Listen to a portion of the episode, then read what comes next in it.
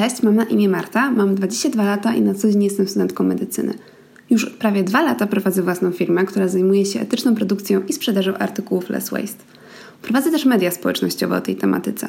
Zainteresowałam się Zero Waste i Slow Life ponad dwa lata temu, a chwilę później w mojej głowie wykiełkował pomysł na wielorazówkę. Witam Ciebie serdecznie w pierwszym odcinku drugiego sezonu mojego podcastu, który nazywa się Wielorozmówka – Cały poprzedni sezon poświęciłam tematyce Zero Waste i jeśli interesuje Cię to zagadnienie, to zapraszam do wysłuchania poprzednich pięciu odcinków. W tym sezonie chcę stworzyć taki mini słowniczek trudnych zwrotów czy wyrazów, które nie wszystkim są dobrze znane, a powinny być. Jeszcze nie wiem dokładnie, ile odcinków w takiej formie nagram. To wszystko zależy od tego, jak to przyjmiecie, ale planuję przybliżyć Ci znaczenie takich słów jak greenwashing, recycling, fast fashion, slow fashion, ekologia, hodowla przemysłowa i urban farming, czyli wstępnie 7. Zobaczymy, ile z tego dojdzie do skutku. Bez zbędnego przedłużania przejdźmy już do konkretów, czyli jak już pewnie zauważyliście po tytule, do definicji słowa greenwashing. Jeśli ktoś z Was wpisze sobie to wyrażenie w wyszukiwarkę, to z całą pewnością trafi na Wikipedię. Więc sprawdźmy, co tam piszą na ten temat. Czytamy definicję. Greenwashing to zjawisko polegające na wywołaniu u klientów poszukujących towarów wytworzonych zgodnie z zasadami ekologii i ochrony środowiska wrażenia, że ten produkt lub firma go wytwarzająca są w zgodzie z naturą i ekologią. Nie mamy fajnego polskiego odpowiednika tego wyrażenia, ale Wikipedia przytacza nam możliwe tłumaczenia takie jak ekościema, zielone mydlenie oczu czy zielone kłamstwo no umówmy się, greenwashing jest bardziej chwytliwy od e, zielonego kłamstwa, więc chyba będziemy się posługiwać e, tym angielskim wyrażeniem do końca odcinka. E, nie do końca zgodzę się jednak z tą definicją, że greenwashing dotyka tylko osób, które same szukają bardzo eko rozwiązań. W tej chwili, moim zdaniem, taką manipulację można znaleźć już wszędzie i targetuje ona również osoby zupełnie niezainteresowane ekologią, ale na przykład interesujące się zdrowiem. Termin nawiązuje do angielskiego słowa whitewashing, oznaczającego wybielanie się.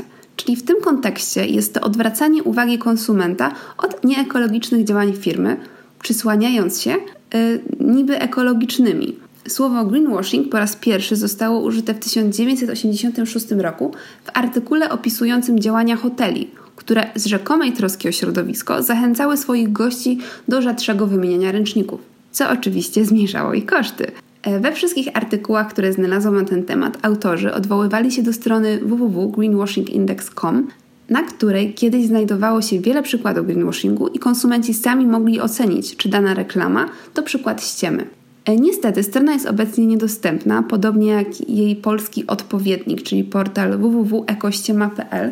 Podam Wam przykład greenwashingu z naszego codziennego życia tej chwili praktycznie wszystkie sieciówki spożywcze mają plastikowe siatki, które można kupić przy kasach kończąc zakupy. Ozdobione są one napisami o ekologii, o recyklingu. Wszystko pięknie, wzbudza to w ludziach bardzo mylące uczucie, że robią coś w porządku, bo przecież ta torba nadaje się do recyklingu, więc ich działanie jest w ich głowach usprawiedliwione. A przecież takie pozornie ekozielone narracje wspomagają tylko utrwalanie złego nawyku. Lepiej jest chodzić na zakupy ze swoją siatką, torbą czy plecakiem, niż brać takie siatki przy kasach i kropka. Portal Ulica Ekologiczna w artykule o tytule. Ekologiczne pranie mózgu, czyli greenwashing w reklamach część pierwsza, podaje fajnie sklasyfikowane rodzaje manipulacji, których używają producenci w reklamach swoich produktów, chcąc wzbudzić wśród konsumentów wrażenie, że to ekologiczny wybór chowane koszty alternatywne, podawanie informacji zupełnie niezwiązanych z danym produktem, brak dowodów na wygłaszane tezy, brak precyzji, ślizganie się od odpowiedzialności, używanie, używanie taktyki mniejszego zła, czy po prostu kłamstwa to tylko kilka przykładów. Firmy chowają koszty alternatywne, chwaląc się na przykład opakowaniem danego produktu w karton z recyklingu, zupełnie nie wspominając o tym, że sam produkt stworzony jest z plastiku albo że jest stworzony z surowca, który w ogóle nie nadaje się do recyklingu. Jest to odwracanie uwagi konsumenta i mydlenie nam oczu.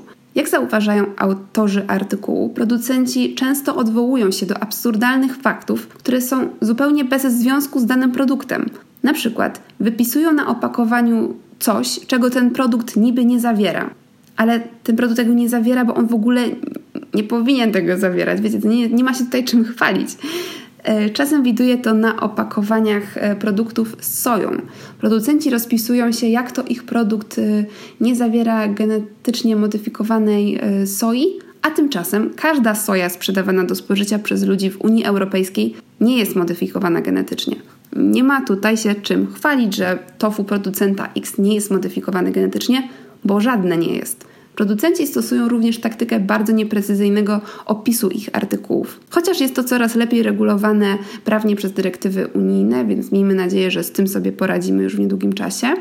Używanie wyrażenia ekologiczne, przyjazny naturze, przyjazny środowisku tak naprawdę nie znaczy zupełnie nic, a w naszych głowach buduje to pozytywny odbiór marki. Jeśli szukacie czegoś nowszego e, niż wspomniany przeze mnie artykuł ulicy Ekologicznej, to polecam artykuł z bloga Green Projects o tytule Ekomarketing, czyli jak firmy nabierają nas na ekologię. Chciałam teraz trochę zmienić temat i przybliżyć Wam chyba najgorszą akcję reklamową, jaką w życiu widziałam. Bardzo bym chciała to zapomnieć, wyprzeć to wspomnienie, ale siedzi to we mnie. No więc, mamy kwiecień 2019 roku. Ludzie stanęli na księżycu, zdążyliśmy już zdegradować środowisko naturalne, jest już dawno po prima aprilis i chciałoby się wierzyć, że geniusze marketingu pracujący dla Coca-Coli już trochę ochłonęli z tego śmieszkowatego nastroju. No więc jednak nie. I do influencerów zaczynają dochodzić paczki. W środku kartonika znajduje się, uwaga, pusta butelka Coca-Coli i liścik. Treść tego listu to jest absolutne złoto i przytoczę Wam jego najlepszy fragment. Ta butelka z listem, którą trzymasz w ręku, znalazła swojego adresata – jednak w morzach i oceanach na całym świecie znajduje się ogromna ilość podobnych opakowań, których jedynym adresatem jest nasza planeta. Opakowania te nie posiadają w środku listu, ale anonimowi nadawcy przekazują nimi jedną dosadną wiadomość. Jest nią manifest ignorancji. Rocznie do oceanów trafia około 9 milionów ton plastiku. Musimy to zmienić. Zależy nam na stworzeniu świata bez odpadów, dlatego czujemy odpowiedzialność za każde opakowanie, które wprowadzamy na rynek. Ech. Przetrawmy wspólnie te słowa i poświęćmy kilka sekund na refleksję. Ok. Liścik o takiej treści wysyła Coca-Cola, która jest w tej chwili największym producentem plastiku na świecie, więc i największym śmieciuszkiem naszej planety. Wybierając produkty spożywcze produkowane przez koncern Coca-Cola, pośrednio przyczyniasz się do tego stanu rzeczy. Ale wracając do treści listu. Coca-Cola sugeruje tutaj jasno, że to konsumenci są winni tej sytuacji, a nie ona, nie, nie producent, o nie, nie. E, co więcej, pokazuje tutaj absolutnie niezrozumiałą dla mnie arogancję i nie mam pojęcia, jak coś takiego przeszło przez kilka szczebli korporacji i wyszło w ogóle na światło dzienne. Najbardziej zaśmiecone kraje na świecie to często te najbiedniejsze, tak zwane kraje trzeciego świata, w których po prostu nie ma infrastruktury i możliwości do recyklingu czegokolwiek. E, przypomnijmy tutaj e, marketingowcom Coca-Coli, że na samym dole piramidy potrzeb masłowa o dziwo nie znajduje się potrzeba recyklingu waszych butelek, tylko podstawowe potrzeby fizjologiczne, takie jak na przykład głód czy pragnienie. Sugerowanie, że na przykład zaśmiecone place, plaże w Azji są wynikiem ignorancji osób tam mieszkających, jest idealnym przykładem tego, jak firmy zwalają odpowiedzialność na nas, konsumentów. Nie, powiedzmy to sobie wszyscy jeszcze raz – jest to wina korporacji, jak ta nieszczęsna Coca-Cola. I więc ich manifest to tylko puste słowa i greenwashing. Puste, natomiast nie byłyby działania. Czyli na przykład wprowadzenie na większą skalę butelek zwrotnych, albo chociaż możliwość zwrotu plastikowych butelek za kaucją do producenta, żeby to ten faktycznie wziął odpowiedzialność za ich recykling, co zresztą e, sam pisze w swoim liście. Zamiast zrzucać tą odpowiedzialność na nas. Cytując jeszcze raz treść listu. Zależy nam na stworzeniu świata bez odpadów, dlatego czujemy odpowiedzialność za każde opakowanie, które wprowadzamy na rynek. W jaki sposób ta odpowiedzialność jest brana? Jeśli faktycznie ten koncern czuł, czułby się odpowiedzialny za cokolwiek, to podjąłby jakiekolwiek działania, zamiast prób mydlenia nam oczu. Czujecie tą hipokryzję? Przecież to się zupełnie kupy nie trzyma i jest to straszna ekościema. Jedyne, co mnie cieszy w tej sytuacji, to że cała akcja wywołała bardzo dużą burzę i wiele mądrych osób mogło się wypowiedzieć na temat greenwashingu. Podlinkuję Wam e, kilka fajnych artykułów na ten temat. Wakacje ruszyła natomiast kolejna akcja, tym razem Żywca Zdrój, który zachęcał klientów do wyrzucania ich butelek po wodzie do żółtych koszy na recykling. Fajnie, że z jednej strony mówi się coraz więcej o recyklingu, ale z drugiej strony, kurczę, no wodę zdatną do picia mamy prawie wszyscy w kranie. Oczywiście ciężko oczekiwać od żywca zdrój, że zrobiłby kampanię o, o piciu wody z kranu, ale znowu mam wrażenie, że jest to odwracanie uwagi od problemu plastiku. Recykling yy, to nie jest najlepsze możliwe rozwiązanie. Najlepszym możliwym rozwiązaniem jest rezygnacja i w tym wypadku picie wody z kranu naprawdę nie jest trudne. Wystarczy Wam do tego plastikowa szklana albo metalowa butelka jesteście ustawieni na lata, o ile oczywiście macie kran z wodą w domu. Zakładam, że macie. E, I nie musicie się martwić żadnym recyklingiem. Jeśli uważasz, że trochę przesadzam i że greenwashing wcale nie wyskakuje nam z lodówki, to przejdźcie się po jakimkolwiek sklepie i przyjrzyjcie się opakowaniom produktów. Napisy w stylu 100% natura, zielony listek, kształty i napisy, które mają udawać coś na kształt certyfikatów. 100% naturalne, eko, ekobio to tylko puste słowa, za którymi najczęściej nie idzie żadna wartość i prawda. Jest to manipulacja klientami, którzy zazwyczaj mają dobre serca i każdy chociaż w jakimś stopniu ma w głowie zakorzenione, że zielone, że bio, że eko to znaczy lepsze. Chcemy wybierać opcję najlepszą dla nas i najlepszą dla naszych rodzin, dla naszego zdrowia, a to właśnie wykorzystują wielkie kor korporacje.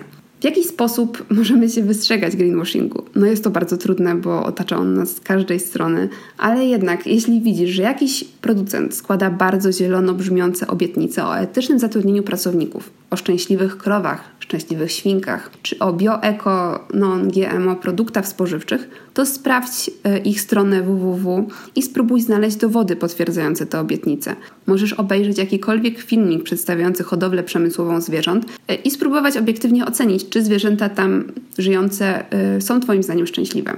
Poszukaj wiarygodnych certyfikatów na stronie producenta, zadawaj firmom pytania w social media i domagaj się precyzyjnych odpowiedzi. Odpowiedzi w stylu dokładamy wszelkich starań, staramy się, próbujemy.